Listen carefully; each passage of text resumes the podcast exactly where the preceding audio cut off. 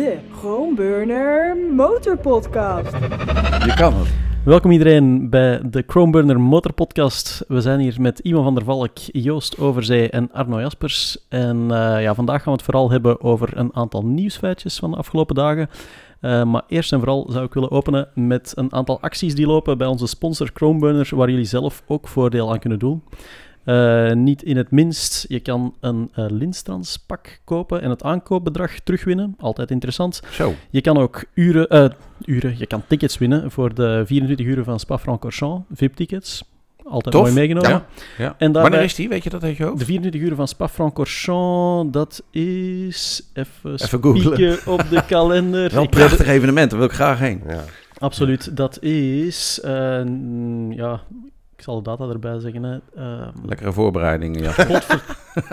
ja, uh, start de 17e, zaterdag de 17e. Dus uh, het evenement gaat 16, 17, 18 juni oh, wow. door. Okay. Ja. En dat is dan nog na een ander evenementje bij Chromeburner. Ze hebben namelijk een Italian Riders Day op 3 juni. Is dat voor Italianen of mensen met Italiaanse motoren? Want dat vind ik een lastige. Dat is uh, voor iedereen die heel hard cazzo roept als hij de paspoort Che heeft gesneden si. in het verkeer. Ja, ja. Nee, dat is uh, dus gemikt op uh, ja, jongens met Italiaanse motoren. Hè. De Ducatisti en de... Ja, de, de ja. Aprilisti? Aprilia. Aprilia Riders? Ja, whatever. Uh, Die jongens zijn allemaal welkom op, op de Italian Riders Day. Ja. Dat terzijde, ik denk dat... Uh, oh, tof, evenement. Ja. we dat weer goed aangepakt hebben, moeten we het eventjes hebben over de nieuws. De nieuws. Ja, de nieuws. De nieuws. Uh, zullen we beginnen met oud nieuws? Uh, Waarom kijk je nou naar Joost dan? oud nieuws. Ik ben een en al, een en al een oud, en al nieuws. oud nieuws. Ja. Nee, Kawasaki die, uh, die hebben een nieuwtje, namelijk uh, de ZX6R komt terug. Uh, in het uh, superpopulaire supersportsegment. Uh, of, ja. Wat een ironie. Ja, ja, ja dat is ik vind het een beetje lastig. Het is niet 100% zeker dat het ZX6R is, maar... Nee. Kawasaki kondigt aan dat ze op 6 juni met nieuw, uh, nieuws komen. Mm -hmm. 6, 6 uh, 2023. Och, die, die, was nog niet gevallen bij mij. Nee, ja. Ja, ja, daarom zijn we hier ook in Nederland. Ja. nee, um, en, en in Amerika zijn homologatiedocumenten opgedoken van een ZX6R die minder vermogen heeft. Nou, dat minder vermogen betekent altijd uh, homologatie-ellende. Ja. Ja, het is wel een zeer bijzondere move, want uiteindelijk zijn er op dit moment eigenlijk geen gehomologeerde supersportmotoren meer. En in het verleden wilde hij die dingen wel gehomologeerd houden. Even voor de duidelijkheid, gehomologeerd voor straatgebruik, dus dat die uh, op de weg mag. Ja, als je een ZX6R weer op de weg gaat toelaten, ja, hartstikke goed. Maar niemand gaat zo'n ding kopen voor op de weg, want die markt ja. is helemaal kapot. Aan de andere kant is het wel zo dat op het circuit nog heel veel van die dingen verkocht worden. Dat Yamaha zelfs uitverkocht is met R6'jes. Ja. Um, ik hoor veel mensen die zeggen, ja, je komt gewoon niet aan zo'n ding. Alleen, maar dat zijn dan inderdaad de niet gehomologeerde Nee, dat zijn R6'jes. de, ja. ja. de R6 Race is dat dan. En de R6 Race is uh, nou, niet, niet voor straatgebruik goedgekeurd. En waarom je dan die ZX6R wel voor straatgebruik goed wil keuren, beats Who me. knows? Maar um, in principe, vroeger al was het zo dat je daarmee alleen maar mocht racen als ze voor straatgebruik gehomologeerd Ja. waren. Mm -hmm. Maar dat is al lang niet meer. Ik bedoel, uh, tegenwoordig wordt de supersport gewonnen door een uh, Ducati 955. Dus uh, Ja, Ja, met, exact dat. ja. Misschien zien zij een nieuwe tendens die wij Ja, niet kan- zien. of kan zo. heel dat goed. zij ergens, ergens iets, iets op hebben gepikt of zo. Of, of, Ja. of, of hun instinct zegt van dat er weer een revival van de supersport komt. ja, het kan ook dat als er weer eentje te koop is en je bent de enige in die hele markt, dat, want dat zie je nu met die R6'jes een beetje. Ja. Eh, er is geen circuitmotor te krijgen, dus kom je uit bij een Yamaha R6, dus neem je die. Mhm. Dat er misschien als zij één supersport hebben, dat dat dan die Kawa wordt. Ik hoop het. Want dat, Ja. Ja, het zou mooi Ja, zijn. En die Zo- ZX4RR moet er ook nog aankomen. Die Ja. 400, Oh, ja, eh, de- ja, die verdomd. 18 miljard toeren draait. Dus wat dat dan Dat, gaat, ja. heb je dan wel een aardige combi. ja, ik denk eh, dat het voor beide motoren puur gaat aankomen op de prijsstelling. Ja. Want ehm, ja, die 4, dat weet je gewoon al dat die ontzettend duur gaat zijn voor maar een 400cc. Dus dat echt een liefhebberding. En eigenlijk weet je dan ook dat je genaaid wordt, want die dingen kosten in Indonesië helemaal niks. Tja. Beetje een moeilijk verhaal, maar voor Ja, die, is dat is hetzelfde, verhaal, dat is hetzelfde voor die 600. Hè, want heb- uiteindelijk, je rijdt met een 636 die, eh, ja, hoe moet je dat zeggen? In de supersportklasse is toch echt wel die Ducati die er momenteel bovenuit steekt, omdat die regels daar zo Ja. aangepast zijn. Drie jaar Eh, geleden was dat nog een ja. superbike, hè, die Ducati. Ja, exact dat. Ja, ja, ja, Exact ja, dat. ja, ja, Zelfde ja. Ducati. Ja, het lijkt Ja. echt helemaal Ja. nergens Dus het is een raar move. Ik hoop stiekem dat eh, ze fout zijn met die homologatiedocumenten. Dat zou en mooi dat, zijn. eh, dat Kawasaki zich gewoon ook eens gaat mengen tussen de, de RS660 en de R7. En dat ze met een tweecilindertje zouden Ja. uitkomen. Want als we nu even de denkoefening verder trekken. Die Z650, dat is ook een doorontwikkeling geweest van de ER6. Die is al 100 jaar oud. Ehm, Ja, die zal echt... eh, Dus dat blok, Antiek, ja. dat blok loopt echt wel, denk ik dan toch, op het einde van zijn leven. Dan nou ja, er zit geen, zou zit geen, vlees, er zit geen vlees meer in, Nee. eh, in dat blok. Nee. Volgens mij. Nee, nee, nee. nee. Dus dan zou het niet zo slecht zijn, moest Kawa daar zeggen van oké, kijk, we pakken uit met een ander concept voor die middenklasse. Maar dat is puur speculatie natuurlijk. Ja, ja, ja. Als ze nou eens een keertje het lef hadden, dat zou echt het mooiste, dat zou de Ja. stunt van het jaar zijn. Kaboom. dat een- ze een gewoon MT-07, zo'n ze- eh, MT-07 killer. met een Ja. supercharger erop. Ja. Die, die techniek Ja, hebben ja, ze. ja, ja, ze hebben Ja, ja. Ja, ja, tuurlijk. Van, ja, ja, wat- ja. jongen, ik, ik droom ervan Ja. dat, ze nou, dat eindelijk eens een keer iemand opstaat en dan een 600 bouwt of een 700, weet ik veel wat, een twin. Ja. Met een supercharger erop. Kawa- eh, Kawasaki kan het. Maar bij elk Ja. Japans merk is dat wel een beetje dat ze, ze En dan komen met een 120 pk conceptding. of zo, weet je wel. En dan, eh, ik, ik stel me dat altijd voor, voor als een egel. Iemand heeft dat verzonnen. Zegt, kijk, dit is ding, is mooi puntig, Ja. stekelig, hartstikke gaaf. En dan zegt de eerste Japaner, hmm, en die trekt er een stekel uit. van, We cannot do this. Ja. En dan, hmm, we cannot do that. En Ja, aan het ja, einde ja. blijft er een hamster over. dat, dat- dat is altijd. Want een, een, een, een Ja, stekelvarken maar- zonder stekels. Godsamme, wat zou dat toch een mooie stunt zijn als ze het wel Ja, eens een keertje gaaf. zouden Ja. doorzetten. Ja, ja, ja. Weet je wat Suzuki met de... Nou ja, we hebben het al duizend keer Ja, gehad over de recur- recursion, recursion van Suzuki. Ja, Ja. ja. Weet je, ach man, Ja. doe, het, doe het een keer. Oké, nou hij komt eraan, schijnt het. Ja. Eh, laten we hopen van wel. Eh, To be continued. to be continued.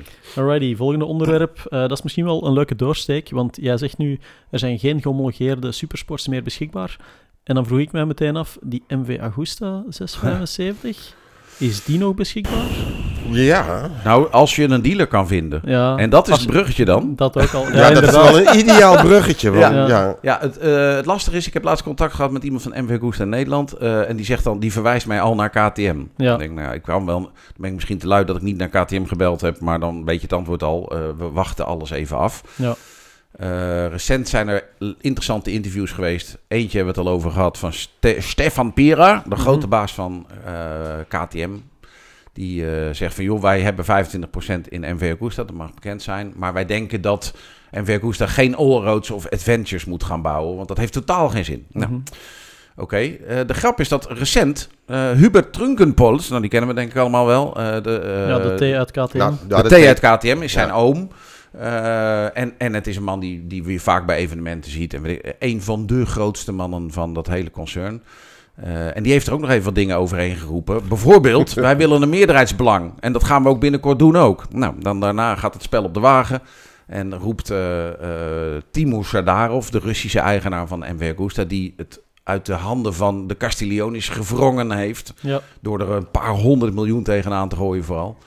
Ehm, die zegt, nee hoor, dat gaat helemaal niet gebeuren, want ik wil het helemaal niet verkopen. En ja, Ja, die, die krijgt natuurlijk ook weer een beetje vlees op de botten. Want eh, die Tronkenpolt, die zegt ook, en schrik niet... eh, we hebben, ze hebben maar duizend motoren gebouwd in het laatste jaar. Dat is Mhm. echt wel inderdaad. Dat is echt serieus Duizend, nieuws. En er stonden er 16.000 gepland. Ja, dat is een beetje wisselend. Welk jaar je het vroeg. ja, Eh, welk, welk PR-berichtje leest natuurlijk. Nou, toen maar, Castiglioni nog een beetje de baas was, mikte die op een gegeven moment zelfs op 20.000 in het jaar. En toen gingen ze met die driecilinder 675 aan de gang. En Ja. bla, bla, bla, bla. En dat werd een enorm succes. En, ehm, dus het is altijd een beetje lastig. eh, wat, ja, welk persbericht. eh, Het is altijd zo'n golfbeweging bij de jongens, hè? want dan inderdaad, zoals je zegt, eh Castiglioni die vertelde dat dan en dan kwamen ze met die serie Rosso, dus het Ja. betaalbaardere model, iets populairder, dit, Ja. dat. Dat bleek dan, ja, ja, Ja. ra, ra, helemaal Ja. niet hun doelpubliek te zijn, dat Nee. daarop, eh, daarop sprong. Nee. Stortten het weer in elkaar. Dan kwamen ze met de Lucky Explorer, Ja. eh, die er nu wel zou komen, blijkbaar. Ja, die gaat wat volgens tot- uh, of LXP heten overigens. Dat. Ehm, dus die is al voorgesteld, hebben we prototypes van gezien, et cetera. Maar een echte rijdend model is er nog Nee. niet. Die zou er wel komen, maar dan tegelijkertijd die Chinese motorfietsen, waarmee Ja. Eh, doelstellingen van 16.000, 20.000 wel haalbaar zouden zijn, ja, dat wordt dan toch te duur om die Chinese productie Exact. op te zetten, dit en dat. Ja, exact. Dus die lijkt er dan weer niet te komen. Exact. Ja, Dus het is ja. gewoon heel moeilijk om er een lijn door te trekken. En Ja. ja. als je dan twee grote partijen binnen de aandeelhouders hebt die ja, kaarsrecht tegenover elkaar staan, Ja, hoe laat begint het- het vechten is het ja, dan? maakt het er allemaal ja. niet makkelijker op. hè. Exact dat. We beginnen om tien uur met de vergadering en om Nou ja, half elf is het vechten.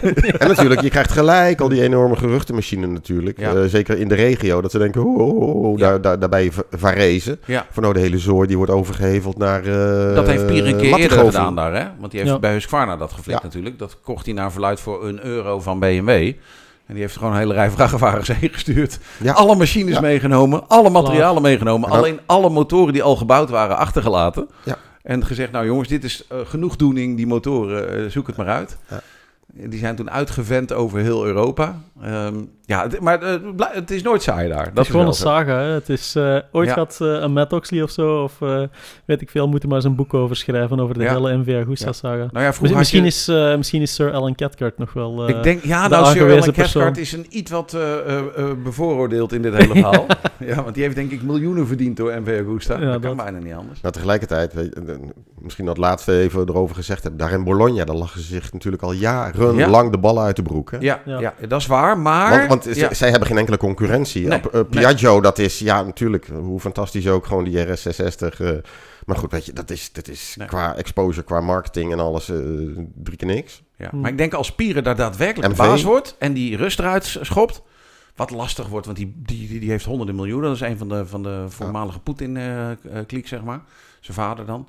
Je heeft hem wel Eh, al helemaal, eh, Heeft hem... eh, eh, helemaal afgewezen. Ja, afgewezen, Ja, maar dat, is iets dat makkelijker als je al 500 miljoen op de bank hebt en, eh, eh, en, en in het buitenland woont. dat- exact dat. Eh, en die moeten wel oppassen dat je dan niet uit een raam dondert ergens, want dat gebeurt er nog wel heel Ja. makkelijk. Van Ja, kopje thee drinken met eh, polonium erin of zo. Precies, dat? ja, ja, ja, dus de, maar uiteindelijk, eh, het, het verhaal is dat Pierer van KTM ooit geprobeerd heeft Ducati te kopen. En dat Mhm. hij nu dan waarschijnlijk, als hij de baas wordt bij MV, dat hij Ja, dat een, een nieuw. Ducati wilt maken Ja, van... eh, Dan van gaat er wel ja. wat gebeuren. V4's Precies. bouwen. Ja, Ja. V4's Mhm. bouwen, want Ja. dat, kan, dat kan hij bij KTM eigenlijk niet zo goed. eh, dus dan, dan Ja. maar bij MV.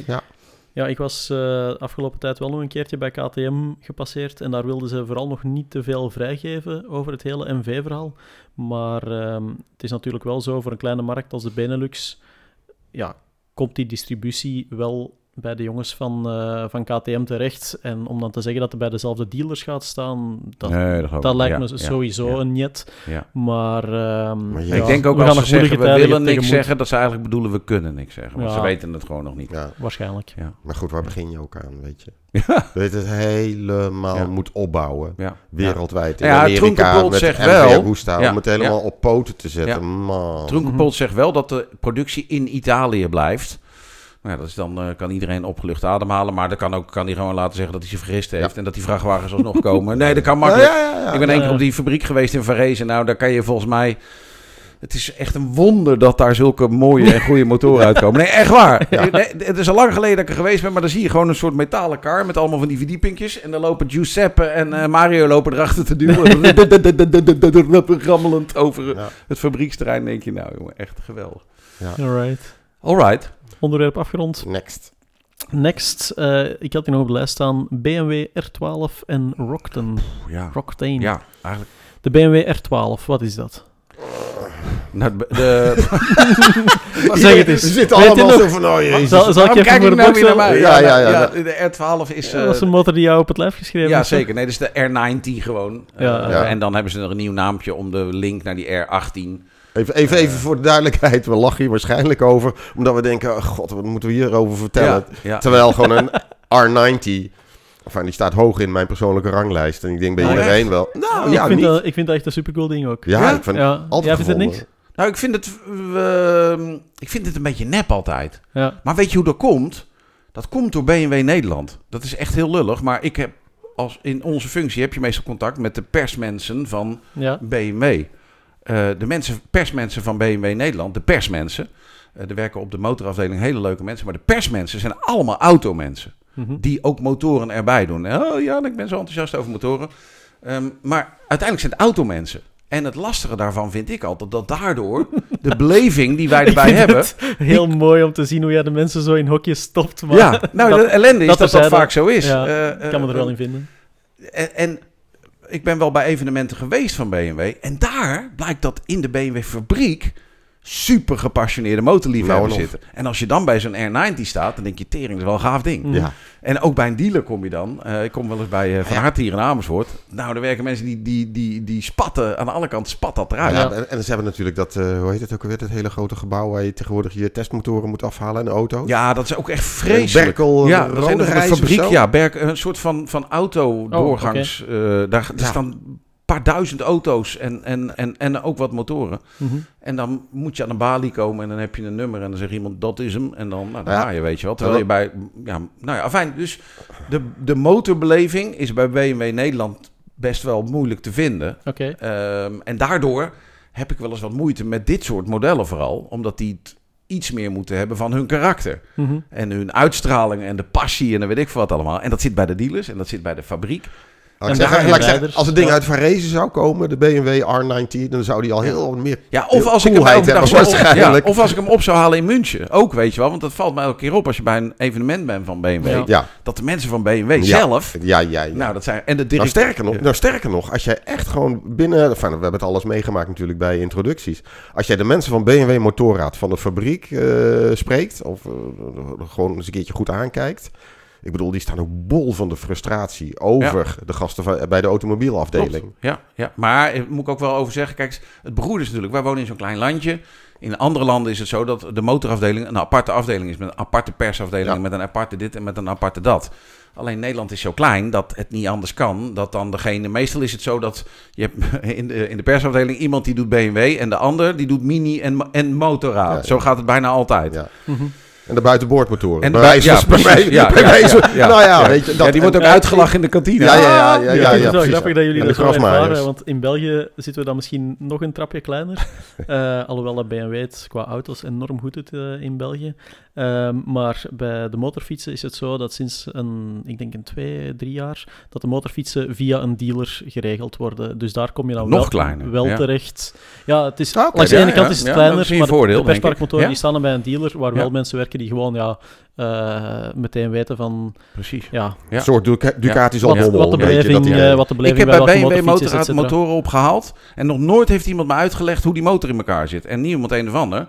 Maar een gemiddelde K1600 met 18.000 knoppen. Ja, je en wilt dan zeggen veel- elektronica, et cetera, dat soort En niet dingen. dat ik dat zo erg vind, want ik kom er wel Mhm. achter. Maar, Mhm. maar ik, ik, sterker nog, ik, ik- zoals het in België is geregeld, is denk ik Ja. juist hartstikke goed. En ik merk, ook, ik merk ook wel dat de PR-mensen in België, eh, hoewel de meeste ook auto-moto eh, combineren, dat ze er echt wel ja, echt met de motor bezig zijn. Ja, ja, dat ze precies. privé ook motorrijden en dat ze eh, een, een boxer uit de jaren stilletjes in de garage hebben staan en dat soort eh nou ja, kijk, die, toestandjes. de- Dus dat- ja. ik hoor daar vaak ook namen bij in België. ervaring. Een vaste naam hoor ik vaak voorbij komen van iemand die er heel gepassioneerd in is. Ja, in Nederland is het helaas zo dat de mensen van Motorraad... eh, ja, die werken op de motorafdeling en die mogen geen perszaken doen. De perszaken mogen alleen door de er persafdeling gedaan worden. over van Kickstart, weet je wel. Van, omdat je de- daar in Berkel Rode reist, dat megacentrum van testspullen. dat je daar gewoon je spul komt inleveren bij een, eh, bij een stropdas. En eh, nou, binnen vijf minuten sta je weer buiten. Ja, Dat eigenlijk we het idee hadden van, nou weet je wat we doen? We gaan gewoon eens een S1000 RR ophalen daar. We rijden daar een 24 uur race mee en dergelijke. En we houden hem nog drie weken. We Ja. leveren hem weer in. En geen kip die ernaar kaait. Nee, nee, nee, nee helemaal Maar zo simpel Ja, is het ja. natuurlijk Ja, ja. niet. Maar Ja. dat idee krijg je een Ja. beetje. Ja. Ja, nou ja, daarom eh, het, eh, over de Terug, R- terug naar de R12. Oh ja, de Sorry, R12. de, Zie de je, R12 is R90. eigenlijk een R90, een iets, iets moderner model daarvan. Mhm. Eh, en dan hebben ze ook de Roctane 18. Eh, Ja. ja. het blijft me altijd verbazen dat dat ding er is. En de verkoopcijfers zijn volgens mij ook niet zo geweldig. Maar aan de andere kant leer ik dat eh, ook als je er niet zoveel van verkoopt, dat het toch kan, blijkbaar. Ehm, en die R18 is eigenlijk een soort van eh, BMW, Harley. Nou, daar Ja. is nu de Roctane van. Dat is dan weer een iets specialer model van wat dan al best een speciaal model was. Proberen ze Ja. toch weer gewoon in de Harley in, Super, ja. Indian eh, Chieftain hoek te Ja, zitten. ja, ja, klopt. Ehm, Nou, ik, heb, ik heb wel eens R18's gereden. Zelf denk ik altijd, ja, het grote nadeel wat bij alle andere modellen een voordeel is, zijn die cilinders. Want die zitten je benen in de weg. Ehm, maar voor de rest, ja, eh, be- dat. Er is niet heel veel nieuw aan, vind ik zelf, aan de R12. Eh, Ik zag wel één leuk detail, en ik weet niet of dat voor de R18 Roctane eh, was, of dat ook voor andere BMW-motoren beschikbaar is, maar wat ik altijd heel cool vond op die, eh, de RT's en de K1600's, et cetera, is dat die eh, optioneel ook met zo'n radio komen. En mensen lachen dan van, ja, een radio op een motorfiets, maar als je op zo'n ding lange reizen maakt, die radio, ik vind dat geniaal. Echt? Ja, ik, ik, vind- ik Nee. vind het beter dan met oortjes zo'n radio op, ik vind dat, ik vind dat lachen. En nu... Nee. Kijk, ja, laat Jij ons... hebt ook een de, Harley, de meningen mogen daarover verdeeld zijn. maar nu heb je dus ook zo een soort van boombox Oh, op stuur te monteren. Hoe hilarisch is dat, man? Wie, wie bedenkt dat soort shit? En jij vindt het ook, weer- ook weer Ik cool, vind het grappig. Ik vind het heel grappig. Oh, cool. Ja. Ik, eh, ja, ik hoop dat er in het perspark eh, zo'n ding beschikbaar wordt. Want ik moet toegeven, met die R18 heb ik ook nog helemaal niet veel gereden. Eh, en de, de rit die ik ermee gemaakt heb, ja, dat was ook maar, maar kort. En ja, het is, het is zo'n zware boot. Ik snap, dat is een totaal andere beleving dan een motorfietsen waar ik meestal mee rijd. Dus ik kan me er ook moeilijk over uitspreken. Mij deed het weinig. Ik snap dat het cool is om zo'n mega dik boxerblok te hebben. Maar ja, als je dan moet kiezen tussen een R12 of die R18, ja, dan is de keuze voor mij wel heel snel gemaakt. En bij die R12 vind ik ook wel dat die er een stuk beter uitziet dan de originele R90. Want ik had er een stukje over geschreven op Facebook een tijdje terug. Ik was bij de officiële presentatie van de R90 toen BMW 90 jaar oud was. Dit jaar is het 100 jaar. En eh, dat is grappig, want het verhaal dat jij nu beschrijft van eh, de stropdassen versus de leren pakken, Mhm. om het eh, zomaar even Ja, ja, te categoriseren, dat was daar ook helemaal aanwezig, waar dat dan ja, de big boss, financial chief, whatever, die kwam dan het verhaal doen van, ja kijk, BMW, 90 jaar, motorrad, topjaar, dit, dat, beste cijfers ooit, want het zijn altijd de beste cijfers ooit. En we hebben een nieuw modelletje, de R90, en ja, ik zat daar in die zaal...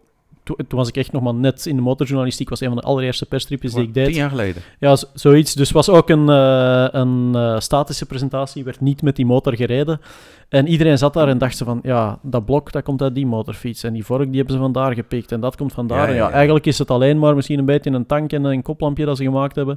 Dus het was echt zo'n part special. En ik vond dat gewoon vanaf de eerste minuut een heel cool ding. En ook het idee dat je ehm, standaard bij BMW al accessoires en zo kon kopen om dat ding toch echt wel een andere look te geven van basic naked bike naar echt meer een café racer, naar ja, halve tourfiets. Eh, dat vond ik cool. En dan blijkt achteraf dat het ding best ook nog wel lijkt te werken. Want ondertussen heb je dus een range met, ik geloof, een stuk of vijf R90's. Ja, ja. Ja, Ehm, ja, ik vind het echt wel iets hebben. Nou, het grappige is, ik heb ooit die eh, R90, ik meen dat die Racer heette. Ja. Ehm, De polsen Ja. ja, ja. ja, ja, ja. En dan ben ik bij de introductie geweest en dat ding ziet er geweldig uit. Eh, Ja. hè, dat, eh, ik hoor mezelf nog de, de legendarische woorden zeggen: Het is een hartstikke leuke motor, maar je moet er nooit mee gaan racen. Ja. Enfin, een jaar later komen ze met, Komen ze met de R90 met Cup. de, de Racing Cup, zeg maar. Dat heeft niet zo heel lang geduurd, moet ik zeggen. Ja. Maar ehm, eh, nee, dat vind ik een leuk ding, inderdaad. Die, Ja. die, die, Ah, voor die mij is de Urban GS. Oh, Ja. echt? Oh man, dat vind ik zo geweldig. Die vind ik zo nep. Lees de komende Motorrijder magazine. Eh, ja, ja, ja. zeker. Motorrijder Magazine, ja. Ja, daar heb ik wel iets over dat ding geschreven. Oh, dat ding dat zit heel Ja. diep in mijn hart. Ik- Echt? Ik, vind dat zo Ah, maar gaaf. dat is toch zo nep als wat? Nee. Dat is, nee, toch, wel. dat is toch de R80 GS, de eerste die ze dan Nee, nagebouwd hebben. Ja, met ja, een rood zadeltje en ook een eh, ja. basic koplampje. ja, vind ik helemaal te gek. Oké. En dat is zo puur rijden. Oké. Je hebt hier een knop modus. Oké, Ja. modus. Je hebt daar een knop knipperlichten. Dus zo- zo'n knop. Poing, Ja. weet je wel. Een klok. En dat is het. En het enige wat je hebt is dat motorblok. En dat is een- ik vind Oké. het echt een verrukkelijk motorblok. Ja, die beleving, Urban GS die, vind beleving die had ik ook wel, maar dan gewoon bij de ding. naked bike. Ja. Omdat je daar gek. nog meer... ehm, ja, die Urban GS die heeft dan ook dat 19 duims voorwielen. Ja, en, en staat ook zo'n halve noppenband op. En ik had dat meer op, de, op die naked bike, gewoon omdat je daar echt ja, Natuurlijk, daar kan je me- beter mee basic op het asfalt aan het rijden bent. Het enige eraan is dat, is dat dikke blok. Dus ja. Daar heb ik Dus met die eigenlijk, Urban, zeg G- maar- die, die Urban GS ben ik met toen mee naar de Ardennen geweest. eh, op een Ja. prachtige zomerdag. En ik vind het zo'n kick om daar hard mee te rijden met zo'n Ja, ding. Grappig. Nou, het grappige is dus eigenlijk vinden we het een hele leuke fiets. Want jij vindt de GS leuk, Ja, jij vindt ze allemaal leuk, Ja. ik vind de Racer leuk. Dus Nou, dan zijn Ja. we eigenlijk wel... eh, misschien mogen we dan toch nog... eh, Waarom de begonnen we nou dit onderwerp eigenlijk Ja, met, het van, nieuws. met kreunen en steunen? Dus het is, het is een R12 geworden in de Ja, plaats van een R90, maar R90, verder is er ja. weinig veranderd. Het zal, eh, het, de grootste verandering, om daar misschien nog even op terug te komen, zal ongetwijfeld de uitlaat zijn die nog iets meer begrensd is om euronorm, whatever, eh, te halen. En Ja. that's it. Op naar het volgende onderwerp. Ja, Het waterstofpact. Die- dat klinkt, Oké, ik- klinkt fantastisch, maar eh, eigenlijk het twee keer... het lachgas. eh, Eigenlijk stelt het twee keer niks voor. Hè. Eh, kort samengevat, de Japanse merken, Honda, Yamaha, Kawasaki, Suzuki, die hebben nu een pact gesloten om meer onderzoek te doen naar motorfietsen die op waterstof rijden. Net zoals er al een pact was om onderzoek te doen naar elektrisch motorrijden. Ja, nou, de- het onderzoek was naar En dat eh, wisselbare accu- accu's hadden ze Ja, eerst. dat was wat die vier Japanse werk, merken hadden. En nu hebben ze een waterstofpact. Ja, eh, ik heb al een keer in een eerdere aflevering eh, omschreven dat volgens mij waterstof voor motoren op dit moment technisch kansloos is. Omdat je in, met 700 bar samenpersen van, van waterstof, ik geloof anderhalve kilo van dat spul kwijt kan of zo in een tank. En dat je daarmee nou, heel weinig kan. Dus eigenlijk hetzelfde probleem als, ehm, als elektriciteit. Het is hartstikke leuk, maar op dit Praktisch moment... moeilijk haalbaar. Maar aan de andere kant, als de Japanners er met z'n vieren vol ingaan, misschien... Ja. ja. Dat, dat en ding- het zijn ze ja. trouwens niet eh, met z'n vieren, want ja, Kawasaki Heavy Industries, die hebben natuurlijk al meer samenwerkingen met Toyota. En Toyota zou zich er ook achter scharen. En die jongens Ja. hebben wel al een rijdende waterstofauto, die Mirai, als ik me niet vergis. Dus er is wel een zekere mate van know-how aanwezig dat, ja, Oh, geloof ik ook wel. geen, Ja, geen ja. twijfel dat Ja. er over bestaat. Ja. Die vier merken alleen al. Kawasaki Maar, heeft ehm, ook zo'n ding als prototype ja. getoond. Dat ook. Alleen als je dan de foto's wat beter bekeek, zaten ook de koffers vol met, eh, Mhm. met flessen waterstof, zeg maar, of tanks Ja. geperst. Omdat je anders geen actieradius overhoudt. Rugzakken onder. een volgauto. En, Een eh, veldfles. veldflessen. Ja, ik heb het- dus die, eh, dat Kawasaki-prototype, dat was trouwens ook aanwezig tijdens de Superbikes op Assen. Dan heb ik nog eens van dichtbij... Oh, eh, stond Oh, stond op de. EICMA en op de Intermod geloof ik Ja, ook. Maar heb ik hem wel gezien. Ja. stond hij ook in Assen en dan kon je op eh, de donderdag of zo kon je hem al eens rustig zo eens van dichterbij bekijken.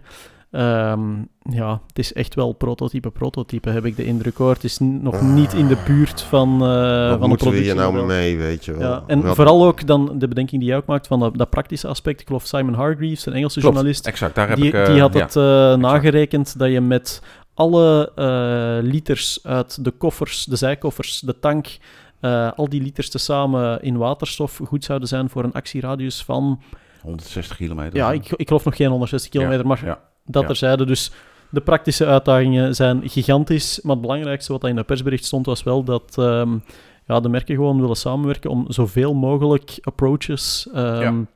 zoveel mogelijk manieren te hebben om ja, uitstoot te verminderen. Hè. Dat dat eh, het hele punt is. Maar verder stond er ook gewoon ja, geen fluit concreet in. Hè. Nee, ik denk dat dat ook... Misschien eh, ja, je ziet een beetje het systeem wat een ander mm, Duits motormerk ook wel eens doet. Ehm, je moet natuurlijk blijven aangeven dat je bezig bent met deze materie. Een intentieverklaring. En dus dan laat je eerst een prototype zien. Daar kan je dan een jaar of vier, vijf mee vooruit. Dan bouw je dan maar eens zo'n kreng. Want ja, hè, en die gaat niemand kopen, maar dat maakt niet uit. En dan kan je daar weer vier, vijf jaar mee vooruit. En dan kan je elk jaar bij de eh, Ja. groene vergadering kan je zeggen... Kijk eens, ook onze motorafdeling is. En dat geldt bij, bij die Japanse merken exact hetzelfde. Ja. Hè, dat, ehm, ze weten misschien wel dat het eigenlijk niet kan, maar je moet wat. Ja. En misschien komt er wel super moois wat uit. En over tien jaar, als er iemand dit nog terugkijkt... eh, ja, die idioten. Die sukkels, die wisten er echt niks van. Ja. Ja, misschien moet... Ja.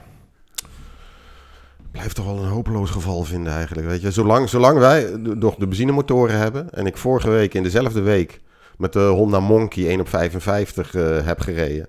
en tegelijkertijd een dag later tankte met eh, Ducati Street Fighter... gemiddeld 1 op 11,3 op, st- op straat. ja. Oh, wauw. En later zouden we dan nog een keertje 1, 1 op op 11. 11,3. Yes, sir. weet je, dan denk ik van... Ja, ja, ja. Ja, dan moeten we daar dan... eh, Ja, voor België omgerekend Ja, is dat een Monkey met hopeloos. 2,5 liter en een Ducati met 11, 12 liter per 100 kilometer, zoiets zeker? Ja. Ja, belachelijk. Zwart, ander onderwerp. Ja? Ja, Komt u We maar. hadden, we hadden er nog eh, eentje staan voor de pauze. en Dat is eh Toprak BMW. Oh. Joost, wil jij die eh, misschien even aanstaan? Nee. nee, nou ja, het is sensationeel nieuws natuurlijk. En het enige... Ja, weet je, het blijft natuurlijk een gebed zonder einde BMW eh, in de Superbike, denk ik dan altijd. Elk jaar weer, er wordt er allemaal geld in tegenaan eh, gesmeten. En nu gaat het gebeuren. En dan zeker dit jaar natuurlijk Michael van der Mark. Ja. En, eh, Breekt zijn poot Redding. met een mountainbike, geloof ik. Nou, Ja. op Assen Ja. hebben we allemaal gezien. Dus jezus, Mina, hoe moet dat ooit nog eens een keertje gaan gebeuren? En nu ja, pakken ze dus gewoon het supertalent van Yamaha af eigenlijk. Daar komt het een beetje op neer. Die eigenlijk eh, GP zou rijden, of tenminste daar gingen de geruchten. Ja. Als er plek was eh, ergens, zeg maar. Dat was een Ja. beetje het idee. Dat ik dat bij de GP's niet echt plek was voor hem. Waar die, wat hij wilde. Niet bij een satellietteam. Ja. Niet bij Yamaha eigenlijk. Want Yamaha, in de GP's gaat momenteel ook niet zo florisant. Mhm.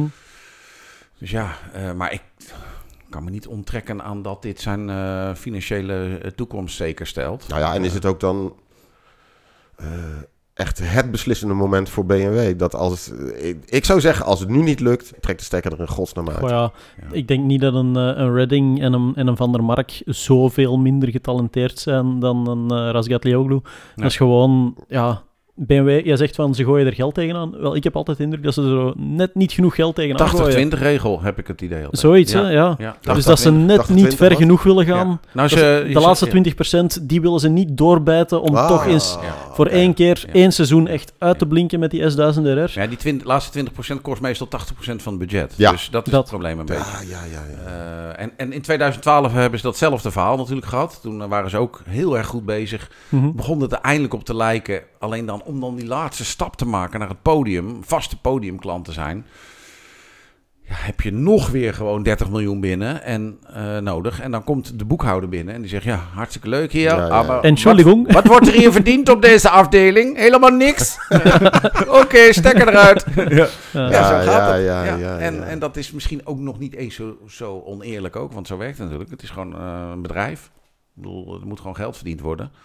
En, en motorracen is deels ontwikkeling, maar grotendeels Ja. marketing. Maar ik denk dat iedereen gewoon de denkoefening maakt van ja, BMW eerst hebben ze dan Redding kapot gekregen, nu Van der Mark eh, gedaan en Toprak is de volgende in het rijtje om, eh, ik, pff, ja, de meest getalenteerde, dat is altijd moeilijk te zeggen in zo'n klasse, hè, maar hij was wel de smaakmaker van Toprak. de afgelopen Ja. jaren, zonder enige twijfel. eh, ja, de enige die Johnny Ray eerst van, van de troon kon stoten.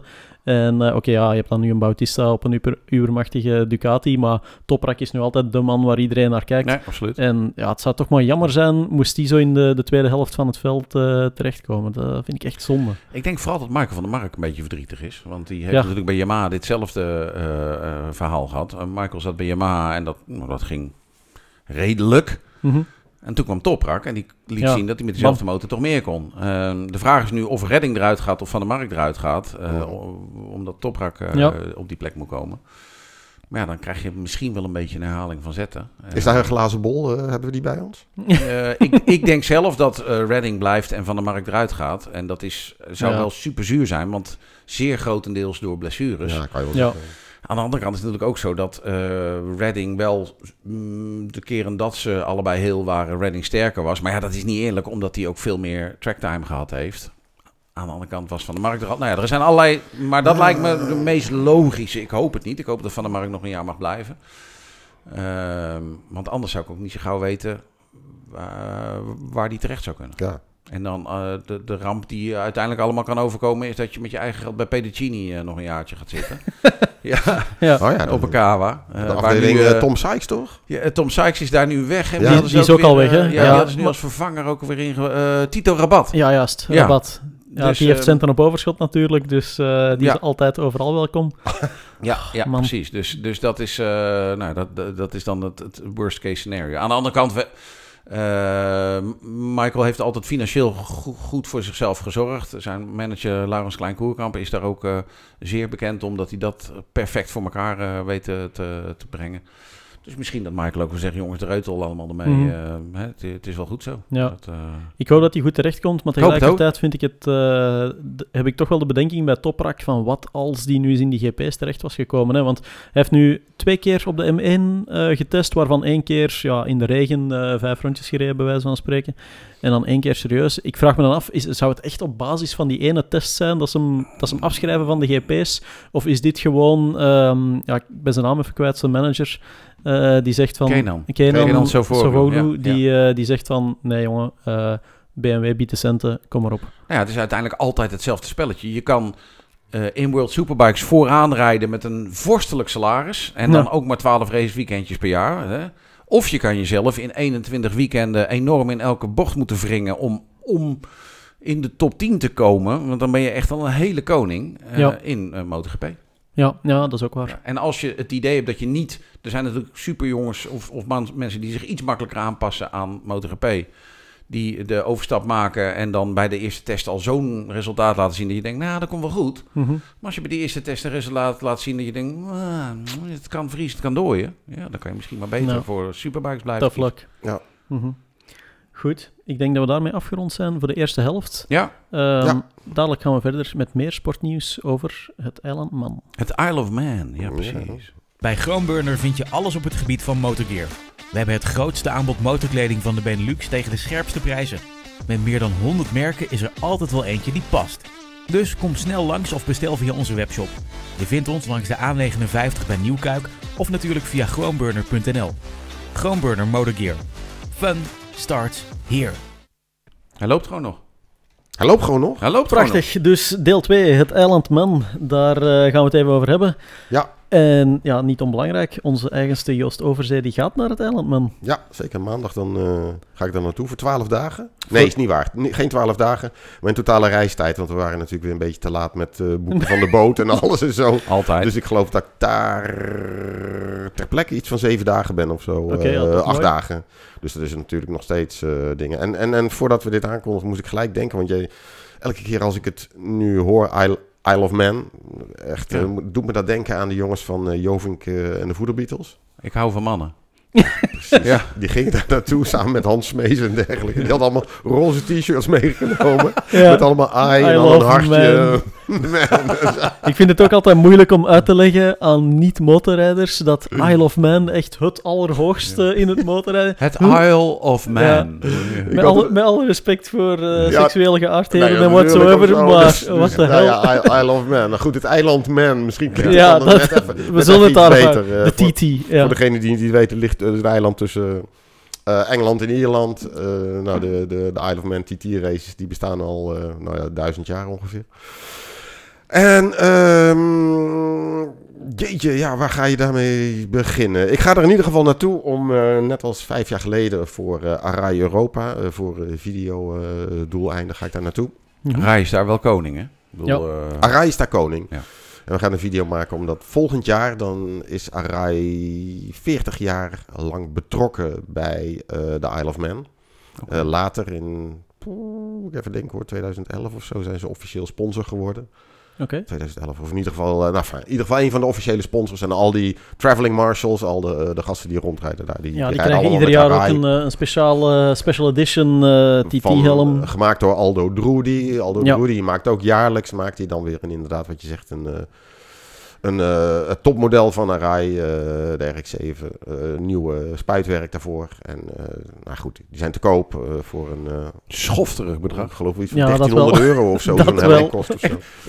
Ja, ik zou er echt wel Maar ze zijn wel de, willen hebben. de Ja. allercoolste helmen ooit, maar ja, het inderdaad, is- je het is, betaalt eh, ze wel. erg cool, maar het is ook erg duur in ieder geval. Ja. Maar goed, in ieder geval... ehm, Vijf jaar geleden ben ik daar ook al geweest, samen met mijn eh, gewaardeerde vriend, eh schuinscheep collega Michael Rooley. Tante Roelie. Tante Voor Rooley. Intimi. Ja, Tante cameraman. inderdaad. Daar hebben we vroeger dat eh, videoprogramma ook eh, meegemaakt. Eh, van Dutch Ground Media. Eh, eh, vijf jaar geleden ben ik daar geweest, ook dus voor eh Arai Europa, om daar een video te maken over de achtergronden ook van I Love Man. Dus nu is een keertje niet een video met alleen maar racebeelden, want ja, daar word je helemaal mee doodgegooid. Daar ken je Mhm. onderhand wel een beetje dat onboard gedoe. Maar eh, een video over van ja, wat gaat er door die starter heen, die dan voor de laatste keer een klap op de schouder geeft van degene die weggaat. Van komt hij ooit nog terug? Eh, Ja. Met de Mhm. EHBO-mensen, met de traveling marshals hebben we gesproken. Ja. Met, eh, nou, in ieder geval alles, alles eromheen. Die video heet eh, Through the Visor. Is natuurlijk nog altijd te bekijken op YouTube. Inmiddels, ik zag ik vanochtend 887.000 keer bekeken. Oh, dat is niet verkeerd. Dus dat, eh, dat is wel aardig. Nice. Ehm, en nu was ik al eerder geweest daar, zo waarschijnlijk komt jullie het ook wel bekend voor. Ik geloof 2015 heeft Suzuki met de G6 S1000 Ja, dat was ik ook de bij. introductie daar Ja. gedaan. Ja. Ik ben er later nog eens een keertje geweest met eh Arai. Hadden daar een, te- of tenminste, nee, dat was hetzelfde Ja. jaar geloof Dat ik. was zelfs. hetzelfde jaar. hetzelfde toen, jaar was ik er ook notabene. bij. met, Ja, ga je eh, nooit Met, naar Isle met of die Man, kom je er twee motorreis keer. erheen. Eh, Ja. ja, dan- Ja. ja, ja, ja, Nou ja, dat dus en zo allemaal. En eh, toen viel het me al op dat het eh, een bijzonder eiland was. En zeker gewoon de vorige keer, 2018 toen ik er was. Toen voor die video. ehm, toen, toen werd me echt duidelijk wat een fascinerende plek het is. En hoe ongelooflijk eh, diep in je bloed die, eh, die races gaan zitten. Ja. Dat, Er is eh, net een nieuwe docu-serie. Ja. Heb ik van de week gekeken. Ja, ja, we hadden het er net over. Hè? Ik was van de week in Engeland eh, Ja. en daar kon ik dus op ITV4 kan je gewoon eh, eh, die, die serie kijken. Maar in Nederland kan je hem ook gewoon kijken. Als je op Ja. TT Plus eh, Ja. moet je een account aanmaken. Ja.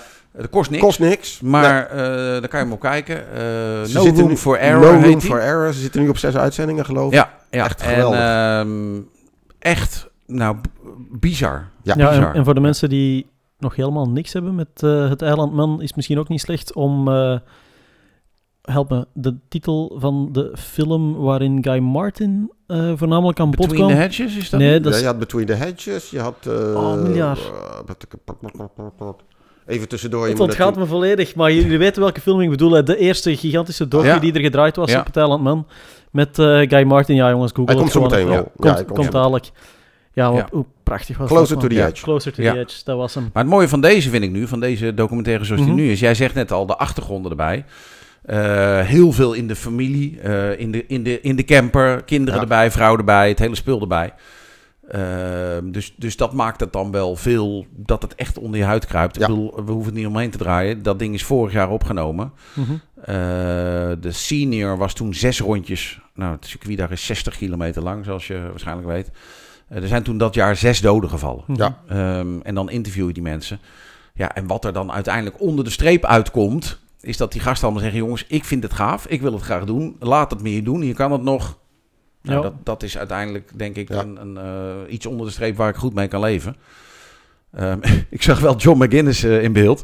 Daar heb ik het ooit met John eh, eh, over gehad. Van joh, eh, eh, eh, mijn zoon racete en eh, ik heb hem ooit gezegd dat als hij dit soort dingen zou gaan doen, dat ik hem zijn benen zou breken. Dus dat het niet zou lukken. En toen, toen noemde hij mij een shit dad. Shit, dad. Ja, ja. You're a shit ja, het dad. is heel makkelijk, weet je, jaarlijks en zeker na vorig jaar, dat, toen, toen er zes doden vielen. eh, het is heel makkelijk vanaf de zijlijn natuurlijk te roepen van het moet verboden worden en, en andere woke opmerkingen natuurlijk, omdat we heel erg gewend zijn om te leven in een maatschappij die helemaal draait op veiligheid eh, en, en, en gezondheid en eh, weet je, de- er zit wel een soort brainwashing in, moet ik je eerlijk zeggen. Weet je wel, Eh, als er verkeersdoden zijn, als er weer een groot ongeluk is, dan komt er altijd wel weer iemand van de SWOF aanzetten van, joh, we moeten streven naar nul, stoppen met nul, nul verkeersdoden. Ja, weet je ja, wel, ja, sodemiet ja. erop. Dat, Ja. dat, dat is gewoon ondoenlijk. Dus mensen die aan de zijlijn zeggen, die hebben van, van zes doden. En eh, ik geloof dat de teller nu staat op 270 in totaal in de hele Isle of Man historie. Mhm. Die hebben natuurlijk in absolute zin hebben ze gelijk. Maar zolang je niet de achtergronden eh, kent en de diepere betekenis van racen op de Isle of Man voor de rijders. Ja. Ja, dan heb je eigenlijk geen recht van spreken. Weet je, bijvoorbeeld Clive Paget, die hadden we ook in die eh, documentaire De team, staan. de, de bekende teambaas. Die zegt ook, weet je wel, van, van als ik jonge lui krijg die zeggen van ja, ik wil Isle of Man rijden, dan kan ik wel zeggen van ja, weet je, de- de- ik wil het niet, want dat is gevaarlijk voor jou. Hij zegt, maar ja, dan gaan ze naar een ander team. Ja, nee, zeker waar. Hij zegt, en Ja. iedereen die daar raced, Ja. ja, ik ben niet degene die een pistool op hun slaap zet van eh, jongen, je moet racen. Nee. Dus het is een volledige eigen keuze eh, om dat te doen. Ja. Waarbij natuurlijk aangetekend dat de, de, de rapen wel heel gaar zijn en dat het drama wel enorm is Mhm. Ja. als het eh, helemaal fout gaat. Goh, Ja. man, dat vind ik zo'n moeilijke discussie om eh, het verder over te Ja, hebben. het is maar- heel moeilijk. Kijk, als je, als je bijvoorbeeld ook een eh, Lee Johnson, die hadden, dat Ja. is een prachtige kerel is dat. Enfin, die is heel erg zwaar gecrashed tijdens de Northwest. Zit heel dik in die eh no Vorige room error trouwens. Die zit heel, ja, zit precies. heel, heel Hadden wij ook heel uitgebreid gesproken. Prachtige kerel of zo. Maar die heeft ook inderdaad een grote tatoeage op zijn borst staan. Ja, ja. Van eh, I don't fear death. I fear not living. Exact. Ik heb hem gisteren gezien. Heel groot op zijn borst staat dat. En ik krijg er bijna... As we ja, ik heb het nu. krijg- ik heb het nu. Ja, ook. ik heb het ja, nu. Ja, nu ja, ook, weet je. Gewoon kippenvel. Ja. Ja. Ja, Maar het is... pff, ehm, het is super ingewikkeld. Jij geeft het Goh, al eh, komen we aan. toch weer Ja. zo snel bij die kant terecht van, van dat verhaal. Hè? Want dat er zeiden, Isle of Man, ik vind... excuseer, ik vind ja, ongelooflijk om te zien. Hè? Ik kijk ieder jaar met grote bewondering. Ja. Enorm veel respect voor de piloten die daar deelnemen. En het racen en de motoren. En ook het feit dat het zoiets totaal anders is dan eender welke vorm van motorsport die er is. Want ja, het is ook wegrace, maar ja... de jongens die daar uitblinken, die doen het niet noodzakelijk goed in BSB en vice versa. Het is zoiets speciaals. Het technische aspect, het mentale aspect, alles wat erbij komt kijken. Maar toch kom je daar keer op keer weer terecht, ja. bij de ongevallen, de doden, het gevaar, Ja. het intrinsieke Ja, want dat is- gevaar dat ermee Het gemoeid is, is. het is no room for error, hè? Ja, het is een flinterdun Hm. vloeitje waar ze op rijden, weet je. Ja. Elke- Maar ja, ja, Dat is de kracht en de zwakte. Dat is eh, Ja, ja. hetzelfde. Maakt het interessant. ongelooflijk hoe dat en- verbonden en is. dat je er nooit eh, wil dat je kind er ook maar aan meedoet. Ja. Ze zullen zich altijd blijven verweren ook van, ja, weet je, hoeveel, eh, hoeveel mensen zijn er in die tijd overleden met parachutespringen? Ja, Ja, of gewoon, ja, of dat gewoon waren van, voor- van de trap af te Ja. komen of Ja. te Van veel de te trap af, van het keukentrapje af, Nou, donders. dat is al met motorrijden vind ik dan vaak. De- wij, we zoeken het vaak iets verder. Maar ik denk vaak aan eh, mensen die niet motorrijden... vinden ons als motorrijder als, in, als vaak Ja. imbecielen. Dat Ja. je denkt, joh, ben jij wel goed bij je hoofd? En, eh, Ja, bla, risico, dat is een kwestie van perceptie natuurlijk. Precies, hè. Daar exact, kan je tot het oneindige over discussiëren. Maar op het Isle of Man, dan moet ik toch wel toegeven, daar zijn dingen bij dat ik denk van, wauw. Nou ja, ik, joh, ik vind zelf al eh eh, stratencircuits al te gek voor woorden. Mhm. Maar daar heb ik dan vooral bij als dat een soort van onderdeeltje is wat er een beetje ingefrommeld wordt. Ik ben er altijd verklaard tegenstander van geweest dat in het ONK in Nederland dat er dan opeens eh stratencircuits bij kwamen. Os, eh, Hengelo. Hengelo. Ja, Hengelo ook. Ja, Ja, Hengelo ook. Ja, oh, Hengelo ook. Maar ik vind dat Nog steeds. onafhankelijk prachtige. Ik ben laatst naar Hengelo geweest, eh, eh, drie Ja. weken geleden. Dat Ehm, onafhankelijk vind ik het prachtige evenementen. Ja. Alleen eh, daar blijft het een beetje half-half. Ik bedoel, bij het Isle of Man weet je exact van tevoren welk risico je loopt. Omdat er vorig jaar nog zes doden gevallen zijn. En als je naar Hengelo gaat, denk je, ja, vorig jaar, nou, er is niet echt wat gebeurd. Dus het is, dat zal, het is wel oké. Ja. En daar Hmm. hou ik wat minder van. Ik, ik vind Hengelo prachtig, alleen je moet...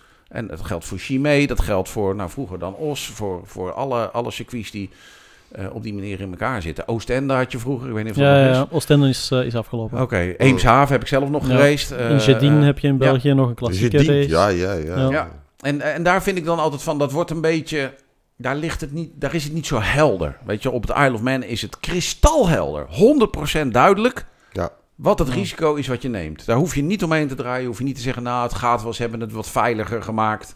Of dat soort dingen allemaal. Dat is niet. Mhm. Dat is gewoon niet. Ja. Eh, het is niet veiliger, want er staat gewoon een bushokje langs de baan. Mhm. eh, aan de buitenkant van de bocht. En eh, daar hebben ze dan wel een strobal, voor, gedaan. Ja, ja. En ze hebben wel dingen verbeterd. Ze hebben nou, de, meer in de incidentafhandeling dan... Ja. maar het, het mooie van het Isle of Man vind ik... en dat komt uit die documentaires van de No Room for Error ook heel duidelijk... ehm, het is kristalhelder. Ja. 100%. Ja. Dit is wat je gaat doen. Dit is het risico wat je loopt. Eh, punt. En, en Ja. da- dat heeft het als Ja. voordeel op alle andere stratencircuits. En, en ook, en dat maakt het eh, extra ja, pijnlijk en saillant ook wel. Ook de, de vrouwen en de kinderen die in de, in de pitstraat zaten te wachten. Van komt die dit keer weer, Ja. eh, weer langs? Ja, ja vreselijk. Of ja. als er een rode Ja. vlag is, het Ja. zal toch niet hij zijn? Nee. En weet je wat het En, erg is? en, en het, het, het gekke... Nou, het, het- even, sorry, even tussendoor, weet je. Ja, Kijk, wij, wij zien MotoGP... Wij zien eigenlijk MotoGP altijd, weet je. En het zijn een soort van godenzone. Die zitten ook altijd in, in, in, in prachtige perskamers... eh, met, eh, met allemaal reclame op de achtergrond. Enfin, enfin, dat is inmiddels bij de Isle of Man ook. Maar, maar ja, dat is nog steeds gewoon eh, het, het busje waar ze dan mee komen aanzetten. Ja. Als je ook die beelden ziet, ook dat Michael Dunlop, hoe die ook weer zijn vrachtwagen aan het inladen is, weet je wel. Dan denk je, wat een teringzooi Ja. allemaal bij elkaar. En eh, ja, dat maakt het, het maakt het allemaal ja, heel, heel, heel, heel Het is nog iets menselijk meer to earth. realistisch. Ja, Weet je, als je, menselijk. als je ook, ook, ook ziet bijvoorbeeld, eh, de, ik weet niet of dat ook bij eh, Room for Error was, dan zie je die Jamie Coward. Nou, dat is gewoon Ja, die een, een kerel van een jaar of eh, ergens in de 40, grote baard. Nou, die zou werkelijk, die, die, die, het, het kan je slager zijn, eh, bij wijze van spreken. Maar die komt dan ook eh, binnen, helemaal, helemaal naar de kloten. En dan eh, de kleine kinderen, papi, papi, papi. En die vrouw natuurlijk ook dan. En dan denk je, Jezus Christus, wat een leven moeten die hebben. Wat een doodsangsten moeten In die deze doorstaan. zat hij dan. Tegelijkertijd, Zit er, er zat een, kind, te- een van zijn kinderen te huilen, want die wilde een ijsje.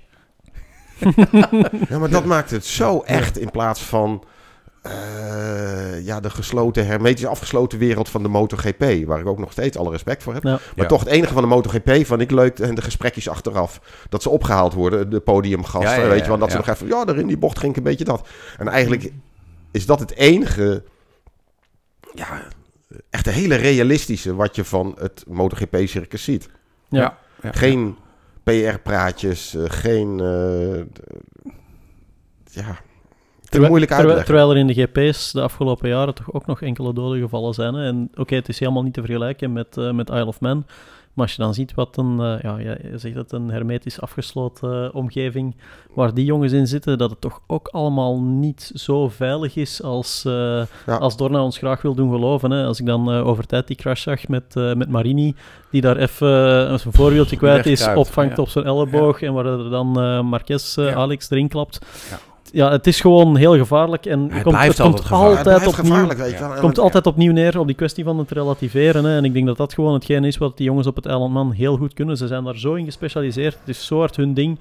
En dingen die voor ons heel gevaarlijk lijken, eh, gaande van de hoge snelheden op het eiland Man tot een, eh een Marquez die daar driftend eh, op zijn elleboog, et cetera, de motor oppikt. Ja, Ja. voor hun is dat de normaalste zaak van de wereld. Ja. Dus ik vind het heel moeilijk om daar uitspraken eh, over te doen in, eh, in andere mensen hun naam. En Ja. wat ik ook nog wilde zeggen, dat is dan, ehm, om eventjes toe te voegen aan andere media eh, die, die, we het, die het erover hebben.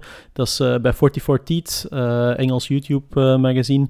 Daar, ik kom redelijk goed overeen met, met Fagan, ja. Al Fagan, eh, ook een van de journalisten. Daar hadden we het over dat een van hun jongens, Mike Boothie, die vroeger ja. ook... eh, Ja. ja, die redelijk wat roadracing gedaan heeft en die ehm, ook in BSB racete, et cetera, et cetera. Die is vorig jaar heel zwaar ten val gekomen op het eilandman, heeft daar zijn, eh, zijn benen gebroken en is daarbij een voet, eh, ja, een voet is geamputeerd.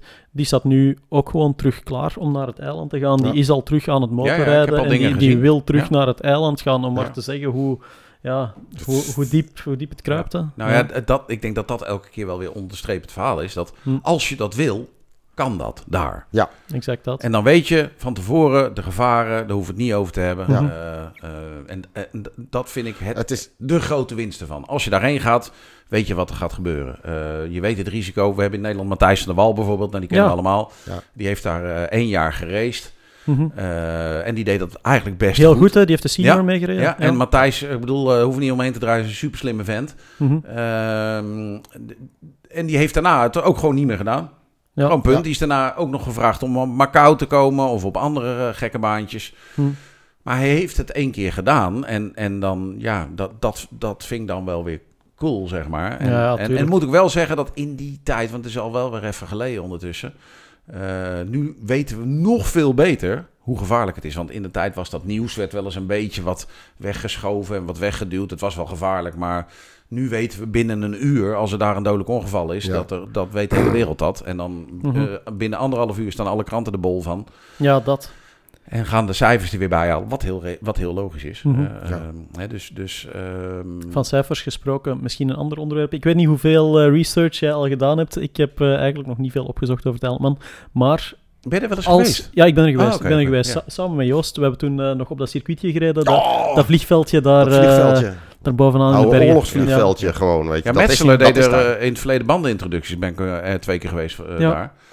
Eh, en dan ging ik gewoon ook de ronde rijden. Ja, ik, Gewoon, ik eh, heb ja. inderdaad de Ja. ronde ook wel een keertje meegedaan. En dan zo'n keer de busrit met, eh, met Milky, Met Milky Quail. Milky ja, Quail, ja, die ja. de uitleg Ja. geeft eh, waar hij eraf is gegaan en dit en Ja, dat. ik weet ook nog wel... Maar ja, Wat ik wilde sorry. zeggen was, eh, cijfermateriaal, als Michael Dunlop dit jaar zijn best doet, dan klopt hij het record van Joey. Dunlop. Joey, Van zo hij heeft hem nu 21 keer gewonnen.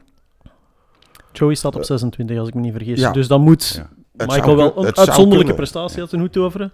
Maar eh, dat vond ik toch nog wel een belangrijke Nou, om over, mee te geven. over die cijfers gesproken, Ja. want die kwam in die No Room for Error bij. Zijn oom heeft 26 keer gewonnen. Ja. Zijn vader heeft vijf keer gewonnen. Ja. Zijn broer heeft vijf keer op het podium gestaan. En ze zijn alle drie dood. Ze zijn allemaal ja, dood. ja, ja. Fucking hell. Ja, Ja, als je dan inderdaad dat- kijkt, die, die documentaire Road. Ja, ja, Die, ja over die eh, Dunlops. Ja, over, maar die- over Dunlop-dynastie. Daar, daar krijg je echt... eh, dat is geen beste avond, vind Nee. ik, om die road eh, te kijken. Daar word dat is je- echt... eh, nee. dan, dan, word je Nee. niet, dan word je niet En gezellig. sterker nog, Michael Dunlop is een ongelooflijk moeilijk benaderbare kerel. Hij noemt zichzelf... eh, ik heb het, eh, het karakter van een sok, zegt hij. Dus Ik bedoel, de uitstraling van een sok. Hij heeft ook scheid aan iedereen. Hij heeft ook Ja. werkelijk... Hij komt daar om te winnen. Hij heeft aan iedereen scheid. Ja. Hij wil niet met journalisten, of het liefst niet met journalisten praten. Ja. Want eh, ja, die betalen hem niet. Dus waarom zou ik dan... eh, ja, eh, Ja, hij zit er wel in, in die No Room for Error. Wordt zit er wel in, Ruim zo allemaal, ook- geïnterviewd. Ja. Bovendien is hij ook nog niet te verstaan. Dat was met die, Nee. doc- met die documentaire was het ook wel grappig. Hadden we, eindelijk hadden we, hadden we Michael Dunlop. Maar ja, via iemand van Arai hadden we hem eindelijk dan. Toen moest hij wel natuurlijk. Ja. Ja, Dus we ja, hadden hem hij voor rijdt die ook met dingen. Arai, Ja. En dan zit hij tien minuten zat hij even wat af te, te draaien. Totaal niet te verstaan. Dan moet je nog ondertiteling maken. Ja. Ja, wat zei die kerel eigenlijk? Weet je, dat is echt dat Noord-Iers. is totaal geen touw aan vast te knopen. Ja. In Engeland kon ik op ITV kon ik de ondertiteling erbij aanzetten. en dat, dat lukt op de, Ja. eh, op de website lukt dat niet. Dus eh, dat, is, eh, dat is wel... Het mooiste- Maar, maar het, en, en het ergste is eigenlijk dat hij, hij heeft ook wel her en der losgelaten, eh, hoe heet het, Michael Dunlop, dat eh, hij zich stoort aan mensen die eigenlijk verwachten dat hij de volgende wordt. eh, en dat dan helemaal de Dunlop-dynastie helemaal uitgeroeid is. Wauw. Dat dus, ja, want hij is de enige die overblijft. mm, ja, Hij is de enige die overblijft. ja, ja, Joey ja. is met een of andere lullig... Trouwens, En in, Joey Ja. Estland, eh, Estland op een Estland. En Estland, een of 125. ander lullig ongeluk of een lullig eh, race. Ja, maar In- ook zo'n in- lullig stratenbaantje. En waar in, in de zeikende over had. regen Ja. is hij daar overleden. Ja. Zijn vader eh, Robert, die heeft de ergste ongeluk. en Echt een gigantische crash. Ja, de achterwiel dat ineen klapte. Dat Ja. er helemaal wegklapte. Die had hartstikke dood moeten zijn. En toch terug. En toch weer terugkeren. En zijn zoons opleiden. Mhm. Ja. Maar goed, hij heeft ook het leven gelaten eh, door, een, door een vastloper. Of dat was eigenlijk... Ja, het verhaal gaat nog dat hij... Hij sloeg over de kop, gewoon met eh, volle kracht. eh, zodat hij per ongeluk, omdat hij zijn, zijn voet, zijn been niet meer kon gebruiken voor de achterrem. Dat hij per ongeluk op volle snelheid zijn duimrem aangeraakt heeft. Nou goed, dat dat hem fataal is geworden. Wauw. Nou, even later, dus een paar jaar geleden, William Dunlop. Mhm. Tijdens de Scaries eh, overleden. En Michael blijft over. Ja. Ja. Dus, fucking hell, weet je Ja. wel. Er, er zit zo'n... Er moet zo'n last op die schouders eh, van die jongen zijn. Ja. Terwijl eigenlijk, ja, je ontkomt er niet aan om ook scheid aan alles en iedereen te hebben. Ja. Nou ja, het mooie vind ik dan dat het daar kan. De grap is daarvan is wat ik me bedenk.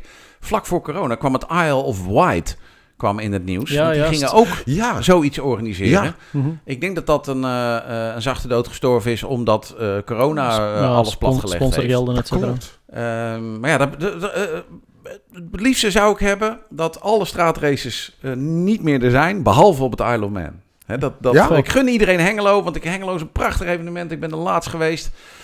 Echt Ja, ben je- zalig, maar Ik ben het er niet mee eens. Nee, nee, ja, nee, ik ben het er niet mee eens. Nee, nee. ik vind, het lastig dat dat dan onderdeel uitmaakt van een kampioenschapje. eh, waar mensen dan heen gaan en dan zeggen: ja, ja, maar in het, het is nu wel minder hoor, moet ik zeggen. Maar in het verleden was het zo dat je, als je in het ONK meedeed, moest je dan. Eh, ja, ook, ook daar rijden, weet je wel. Mhm. En, en eh, ik heb laatst Joe, eh, Joey Litjes, die, Ja. eh, die werkt bij eh Ziggo ook. Dus heb ik wat meer contact mee. En ja, die is daar dan heftig gecrashed. En, en dat, ja, dat, dat zijn dan in de, mijn optiek de slachtoffers van mensen die er eigenlijk een beetje... Ja, ja, er is voor de rest niks, dus dan ga ik het daar maar doen, weet je wel. Dat, het ligt er wat minder dik bovenop dan het Isle of Man. En dat, dat vind ik aan de ene kant wel weer fijn voor het evenement. Maar aan de andere kant vind ik dat dan niet altijd even eerlijk. Zeg. Net zoals Chimay. Mensen doen over Chimay makkelijk. Ja, dat gaat wel. Het gaat wel. Nou, daar, vind, Poeh. daar, daar heb ik moeite mee. Het gaat niet. In mijn ogen dan. Hè. Ik bedoel, iedereen, iedereen moet echt zijn eigen ding doen. Maar ik zelf... En ja, de maatstaf is dan altijd mijn zoon die race. Dat ik zei, ja, maar wat Ja, er ook gebeuren, daar gaan we nooit heen. Ja, is dat zo? Ja. Ja, ja, ja. Ik vond Slides in Duitsland, eh, dat was echt de limiet. En dat is een semi-permanent circuit. Eh, en ik moet zeggen, op Hengelo zijn ook grindbakken. En er zijn ook heel veel dingen gedaan om het circuit veiliger te maken. Dus het is echt wel anders dan, zeg, 20 jaar geleden. Mhm. Mm, Maar ja, dat, nee, eh, eh, iedereen Ja, mag... eh, eh, iedereen mag... Het is- het eh, is mag- raar, ja, Motorpodcasten.nieuwsmotor.nl Nou, je zou bijna zeggen van waarom zou je het zo nodig veiliger willen maken? Nou, dat is de... Dat ik weet vind- je, nee, dat- is- dat- nee, nee, niet? nee. Nou, ik vind niet dat zozeer dat het veiliger zou moeten zijn. Alleen, ik heb altijd wat moeite met de wel niet aanduiding ervan. Dus ik vind niet dat het ik vind niet dat eh, eh, Hengelo verboden moet worden en ik vind ook Hmm. niet dat het veiliger moet worden. Ik vind alleen dat het wat helderder zou moeten zijn, zoals het op Isle of Man is. Als je Isle of Man wereldwijd weet iedereen dat is levensgevaarlijk. Hè, Ja. punt. Ja. Nou, Denk ik vind dat dat bij die stratencircuits ook zo zou moeten zijn. Van joh, ga daar racen als je dat wil, maar, maar je moet donders goed beseffen Ja, ja, ja. ja, wa- ja. wat, het, wat het risico is wat je loopt daar. Dat, dat Ja. deel mis ik wel eens een beetje, omdat we, Ja, oké. eh, omdat we het zo mooi vinden allemaal. Want als je daar dan bent... Als Ja, je op- en ook gewoon, dan, dan wordt het zo'n belerend vingertje.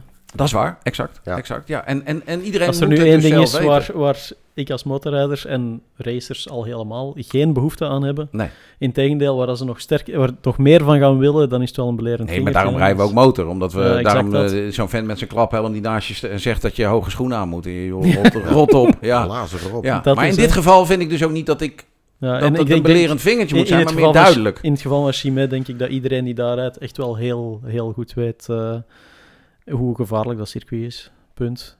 Het enige, de enige bedenking die ik bij erbij maak is dat soms van de organisatie uit ehm, ja, een, een twistpunt wordt van ehm, gelijk het, jaar dat er in Chimay drie dodelijke ongevallen gebeurd zijn. Achteraf kwam er heel veel kritiek op de organisatie omdat die kwalificaties zo kort waren en dat zeker nieuwe rijders daar eigenlijk amper de tijd hebben om het circuit te leren kennen en al direct moeten kwalificeren en al direct tijden moeten gaan neerzetten en dan bam, direct de race. Dus dat gewoon allemaal zo ontzettend snel achter elkaar komt en dat dat het risico op ja, ongevallen nog een stuk vergroot op een circuit dat van zichzelf uit al zo gevaarlijk Ja. is. En dat is dan een dingetje wat daar op het eiland Man, oké, iedereen is daarover eens, het is levensgevaarlijk, maar ehm, dan moet je ze wel nageven voor nieuwe rijders en zo. Er wordt echt wel onderzoek gedaan wie er aan de start mag komen Mm, en ja. begeleiding en dit en dat. Ja, Dus- je moet eerst vijf stempels hebben van andere evenementen Ook al, bijvoorbeeld. ja. Daar kom je niet zomaar aan. Mhm. En sterker nog, dat moet je ook nog... eh, hè, mijn zoon heeft in het team gezeten bij Ian Locker. En Ian Hm. Locker is gewoon een van de grote goden daar. Hm. Maar als hij mee wilde doen, moest hij toch eerst gewoon zijn stempels weer halen. Ja, Dus eh, Ian ging dan toch Ja. maar weer meedoen aan de, de Scaries, Scaries of de Scarborough ja. of de weet ik veel wat. Ik ben eh, vorige week op Scarborough geweest. Toevallig kwamen we er langs. Nou, dat is ook één groot gekkenhuis. echt. Ja. Er staan houten borden, hebben ze tegen wat paaltjes getimmerd. Als een soort van... eh, Ja, maar het is- ja, eh, hè? Whatever. ja, de, eh, Ja, dat, ja. Ja. Ja. Maar, maar eh, dat, dat wat jij zegt over Chimay, daar denk ik dan een beetje van, van ja, ik, ik hoor wat je zegt, Mhm. maar eigenlijk vind ik dat nou net hetgene waarvan ik denk, nee, wacht even. Ik weet wel dat dat een rol gespeeld heeft, maar Ja. Chimay is gewoon levensgevaarlijk. Punt. Ja, absoluut. absoluut. Punt. Dus eh, het is niet zoals dat er daar de helikopter op stijgt en een paard eh, de baan op rent eh, en dat daardoor iemand zich doodrijdt, zoals op de Isle of Man wel Ja. gebeurt. Dat. Ehm, ja, het, het, het, het, Deze discussie kan tot in het oneindige voortgaan. Ja, Maar, ja, ja, dat is waar. Dat is ook, maar dat is ook Het het mooie ervan. het- Dat is het- ook het Ondertussen zitten Ja. we aan het einde van de aflevering, dus we gaan, Zitten we er al aan? We gaan Oh, toch ergens Ja. een, Wanneer ga je eh, weg, Jan? Eh, maandag. Maandag, oké. En dan ga je eh, met de ferry of hoe ga je doen? Ja, we gaan met gewoon twee keer de boot. Twee keer. En dan de Steam keer- en met de Packet auto. Company. Ja, de Steam Pack eh, eh, Company. En, eh, Maar je hebt ook nog de auto op mee kunnen krijgen op de Steam Packet. Ja, maar nee, Oh, ja, ja, Oké, dat is wel... ja, ja. Dat is wel Zeker. Ik zal de motorfiets missen daar. eh, maar ja, goed, oké. eh, we zitten daar met videoapparatuur en de hele bende. Ja, dus, ja, eh, ja, ja, ja. Het was Kijk. wel... Zijn we klaar? Nee, Ik wil- Nou ja, goed, om, even, even ter illustratie. En daar ben ik eigenlijk nu best wel heel erg bang voor. En eh, om eh, even aan, in aansluiting op deze discussie. Is dat toen we vijf jaar geleden gingen, toen eh, had je Road Racing Magazine, een van, die, een van die tijdschriften, die zaten op de boot te kijken. En stond heel groot op de cover Dan Neen, eh, de Tyco-rijder, samen met eh, Michael Dunlop. Ja, helaas. En op het moment dat ik inderdaad dat, dat, dat tijdschrift in de handen had, toen was al bekend dat hij zich eh, diezelfde middag eh, had doodgereden. Mhm. Weet je wel. Ja, ja, ja. ja. Het- En dan ja, krijg je dit weer. Ja. Ja. Kippenvel. Dan ben je Ja. dan toch weer bang van, oh Jezus Christus. En, Ja. eh. Van, laat iedereen wel weer thuiskomen. Ja. Ja, je weet dat het niet gaat gebeuren. Kijk, Nee. We gaan er toch voor duimen. Ja. In ieder geval, heel Eh, veel bedankt. Dat mailadres noem ik toch nog Oh ja, even. ja. Mot- Motorpodcast.nieuwsmotor.nl Als je hier nou wat van vindt of, of weet ik veel, Ja. eh, kom ermee. Ehm, alle input is welkom. Ja, misschien lezen we het zelfs.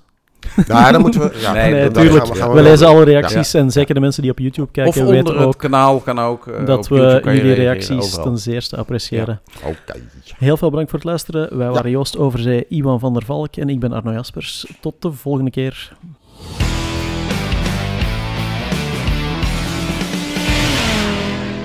Dit was de Groenburner Motorpodcast.